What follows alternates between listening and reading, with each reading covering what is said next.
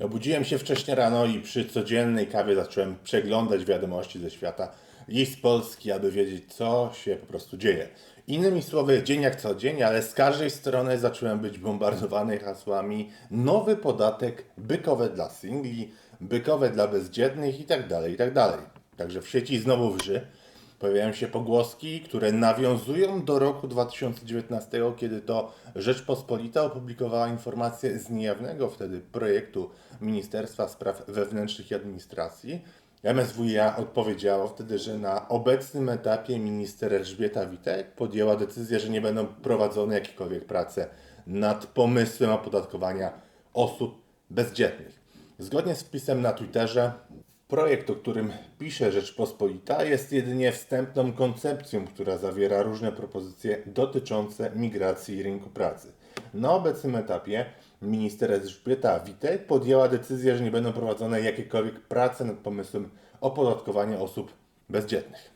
Ale czas poszedł do przodu i temat powrócił. Tym razem na spotkaniu V4, czyli V4 Grupy Wyszehradzkiej, rozmawiano głównie o wyzwaniach demograficznych i polityce społecznej. Witajcie na kanale, gdzie omawiamy biznes, work-life balance, sport, biohacking. Jak to połączyć, żeby mieć nawet czas wypić ulubioną kawę? Ja lubię zmrożone jest I koniecznie subskrybujcie. Co to jest podatek bykowy? W Polsce w okresie po 1945 roku potocznie nazywano jako bykowy podatek, a właściwie podwyższoną kwotę podatku dochodowego, który był płacony przez osoby nieposiadające dzieci, nieżonate i niezamężne powyżej 21 roku życia, a dalej od 56 do 73 roku powyżej 25 roku życia, czyli wprowadzony za Bieruta, a odwołany za czasów wczesnego Gierka. Zwyżka polegała na podwyższeniu podatku dochodowego o 20%, natomiast osoby, które posiadały dzieci, płaciły 10%.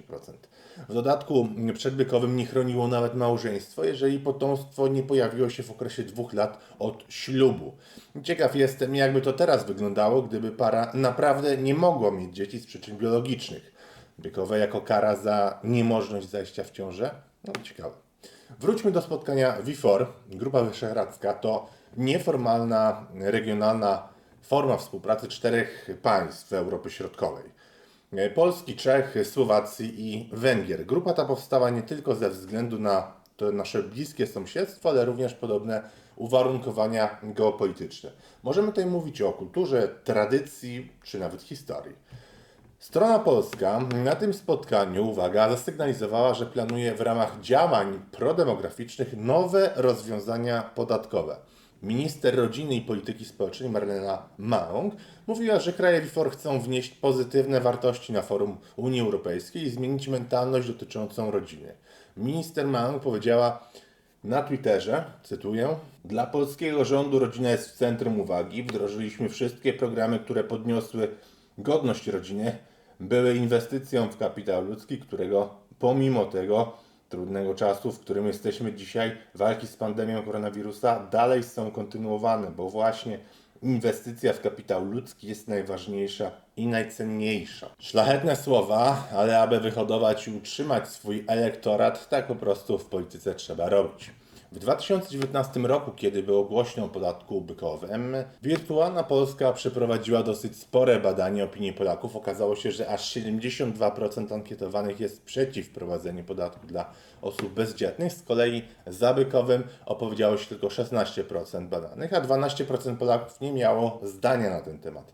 Polacy ewidentnie potępiają pomysł bykowego, o czym świadczą sondaże i komentarze w sieci. 500 plus miało być przyjętą, dzięki której Polacy powinni rzucić się do rozmnażania. Niestety program ten nie zdaje egzaminu, a kosztuje Polaków, którzy płacą podatki od swoich ciężko zarobionych pieniędzy aż ponad 40 miliardów złotych rocznie. Jest to ogromne obciążenie dla budżetu. W dodatku w sytuacji braku wpływów, bo rząd zamknął gospodarkę, to bierzmy też pod uwagę. Ekonomiści, opozycja i przedsiębiorcy sugerowali, albo przynajmniej czasowo, żebyśmy wstrzymali wypłatę świadczeń 500, ale dla obecnego rządu jest to niemożliwe, bo socjal i świadczenia budują ich elektorat. Brakujące pieniądze premier zamierza więc zdobywać, nakładając coraz to nowsze podatki, tak jak ostatnimi czasy podatek cukrowy, dzięki czemu Coca-Cola jest u nas droższa niż w Stanach Zjednoczonych czy w Niemczech. Hashtag kraj dobrobytu.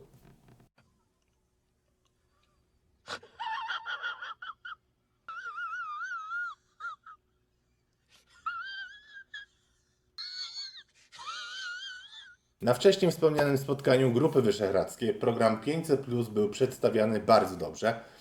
Program wprowadzony w 2016 roku miał pobudzić wtedy wzrost demograficzny w naszym kraju, ale okazał się olbrzymią porażką, ponieważ obecnie w Polsce rodzi się mniej dzieci niż przed jego wprowadzeniem. Jak możemy czytać w przeprowadzonym badaniu, nie możemy zapewnić liczby urodzeń na statystycznym poziomie minimum dwójki dzieci na jedną Polkę, aby utrzymać tak zwaną zastępowalność pokoleń. Dodatkowy podatek nakładany na osoby bezdzietne oczywiście pozwoliłby przynajmniej w części sfinansować program 500, szczególnie, że według nieoficjalnych przecieków w roku wyborów parlamentarnych rząd chce podwyższyć to świadczenie. Pojawiły się też głosy, aby je waloryzować zgodnie z inflacją. Padają nawet domysły o chęci wprowadzenia 1000 plus, jak podaje Radio Z. Ale ile tak w ogóle naprawdę rząd mógłby zarobić na tym podatku od bezdzietnych nabykowym? Cóż, nie jest to trudne do policzenia i dokonał tego już portal Money. Jak piszą, brak nam precyzyjnych danych, pozostają więc tylko szacunki. Według ostatnich wyliczeń małżeństw w Polsce było 8,96 milionów, a co za tym idzie małżonków było łącznie 17,92 miliona. Czyli jeśli wprowadzono by nowy podatek dla bezdzietnych na tych samych, zakładamy, warunkach e, i na tych samych prawach co w PRL-u, to podatek nałożony mógłby być na 25-latków i osoby starsze, E, no to takich osób w Polsce mamy łącznie 28,5 miliona. Gdy odejmiemy od tego liczbę małżonków, zostaje nam ponad 10,5 miliona ludzi. Skorygujmy to jeszcze o osoby na przykład w wieku poprodukcyjnym, które nie mają dochodów, a tylko emeryturę, więc zostaje nam trochę więcej jak 2,6 miliona osób. Jak piszą dalej, Niezbędna jest jeszcze jedna korekta. W grupie małżonków jest spora grupa emerytów, a w powyższych wyliczeniach odjęliśmy takie osoby dwukrotnie. Raz w liczbie emerytów, drugi raz w liczbie małżonków. Trzeba więc wyliczenie 2,6 miliona osób przeszacować w górę. Przyjmijmy, że łącznie około 4 milionów może być na celowniku bykowego. Według wyliczeń GUS w Polsce więc pracuje prawie 16,5 miliona osób, czyli bykowo obciążyłoby 24,5% osób pracujących. Byłby to wpływ około 1,5 miliarda złotych do budżetu państwa. Także jakoś te dziury można po kolei po 500 plus łatać. Mam jeszcze jeden temat, nad którym warto trochę się zastanowić, nad którym warto pomyśleć, mianowicie odwrotne bykowe. Demokracja to tylko pozorny ustrój, który traktuje wszystkich sprawiedliwie. Dobrze wiecie, że demokracja to inaczej rządy ludu, a partia obecnie rządząca w Polsce doskonale zdobywa najłatwiejsze w manipulowaniu grupy społeczne, przekształcając je w swój żelazny elektorat. No i trzeba przyznać, że robi to wyśmienicie. Doskonały socjal, 500, atak na emerytów, czyli skupianie się na grupach, którymi jest bardzo łatwo manipulować, dając trochę pieniędzy. A samo 500 plus i dziurę przez to powstałą będą spłacać, moi drodzy, tak wynika z wyliczeń, jeszcze nasze prawnuki. Zresztą po drugim wyborze Andrzeja Dudy na prezydenta widzieliśmy ze statystyk, jakie grupy społeczne na niego głosowały. Przypominam, ludzie z małych miejscowości i z podstawowym wykształceniem. Także widzimy, dlaczego demokracja to rządy ludu. Osoby nieambitne, niewykształcone i czekające na pomoc socjalną mają głos wart tyle sam, co kobieta lub mężczyzna ciężko pracujący z ambicjami i chęcią zapewnienia swojej rodzinie dobrego życia. I to właśnie z ich podatków ci leniwi otrzymują różne świadczenia. Teraz zastanówmy się nad tą sprawiedliwością tej demokracji, nad bykowym i nad ciekawym terminem, który możemy tutaj użyć, odwrotne bykowe, z którym zetknąłem się w jednym z starszych artykułów w Gazecie Prawnej. Skoro bezdzietni nie otrzymują wsparcia z 500, choć płacą podatki, mamy do czynienia przez analogię z odwróconym bykowym. Czy nasz system gospodarczy będzie więc kiedykolwiek sprawiedliwy? Nie sądzę. A jakie jest moje zdanie na ten cały temat bykowego. Ci z Was, którzy mnie znają, wiedzą, że ogólnie jestem dużym przeciwnikiem socjalu, a zwolennikiem promowania ambicji i pracowitości. Innymi słowy, jeśli ktoś ciężko pracuje, to mu powinniśmy to ułatwiać.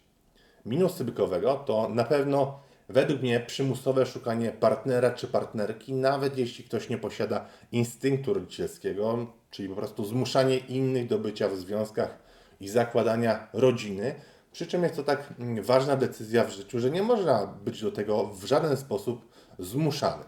Po drugie, kary są nieefektywne, a tym bardziej karanie podatkami za bezdzietność. Co dalej? Podatek, jeśli ktoś nie chodzi do kościoła i nie odhacza się na liście w parafii? Pamiętajcie, że do ludzi przemawia raczej zawsze język korzyści, a nie groźby czy kary. Kolejna kwestia to zmuszanie do rodzenia dzieci podczas bardzo napiętej sytuacji aborcyjnej i w sytuacji strajku kobiet. Kolejny minus to sytuacja ekonomiczna Polaków. Pozamykane firmy, bezrobocie, ciągłe oddalanie się od zachodu w jakości i w poziomie życia. Postawmy się w sytuacji tradycyjnego, takiego statystycznego, to będzie lepsze słowo, statystycznego młodego Polaka bądź Polki, kiedy muszą założyć rodzinę. Dla przykładu, jeśli ktoś mieszka w Warszawie, to kupi mieszkanie do remontu za pół miliona i drugie pół miliona to będą koszty kredytu i remontu. Podzielcie to przez 25 lat i liczbę miesięcy dla ułatwienia. Milion podzielić na 25, czyli 40 tysięcy na rok, więc dzieląc na 12 miesięcy wychodzi nam 3333 zł, czyli prawie 3,5 tysiąca miesięcznie bez rachunków, bez mediów, bez jedzenia, a gdzie jeszcze opłatę na te dzieci? Także widzimy, że to kolejny e, minus, m, który m, jest powiązany z tym niestety programem, który gdzieś tam z tyłu głowy w naszym rządzie sobie skacze już któryś rok z rzędu. Co możemy do tego jeszcze dodać? Na pewno wysokie podatki, nowe podatki, a raczej daniny, jak to nasz premier nazywa, i rekordowo wzrastające składki ZUS. To wszystko powoduje fakt, powoduje, stwarza sytuację, że ceny są obecnie tak wysokie. Jak natomiast może wyglądać recepta na to całe zło? Cóż, jeśli rząd tak lubi za pomocą narzędzi fiskalnych stymulować przyrost naturalny Polaków, to lepszym wyjściem byłyby zniżki i odpisy dla pracujących rodziców, a nie kara dla tych, którzy z różnych względów nie chcą lub nie mogą zostać po prostu rodzicami. A skoro ten niski przyrost naturalny wywoływać będzie duże napięcia w systemie ubezpieczeń społecznych, no to zachęty powinny być właśnie z tym systemem powiązane. Rząd PiS chce ponadto, aby w Polsce było jak najwięcej porodów. No i planowany podatek wynika z chęci zmotywowania społeczeństwa do rodzenia dzieci. Obecny rząd mocno, pamiętajcie, stawia na politykę prorodzinną i na razie pozostaje nam po prostu czekać na decyzję premiera Morawieckiego, czy podatek wejdzie w życie, a jeżeli tak, to kiedy? A czy może jednak zamiast bykowego wprowadzą oni nam jakieś inne uciążenia bądź obostrzenia? I tak na koniec. Myślicie, że Jarosław Kaczyński też miałby płacić bykowe? A może uważacie, że bykowe to dobry pomysł? Jak tak, to dlaczego? Interesują mnie Wasze opinie, więc dajcie znać teraz w komentarzu. No i dzięki za dzisiaj i do zobaczenia następnym razem. Pozdrawiam Was mocno, Rafał Schreiner.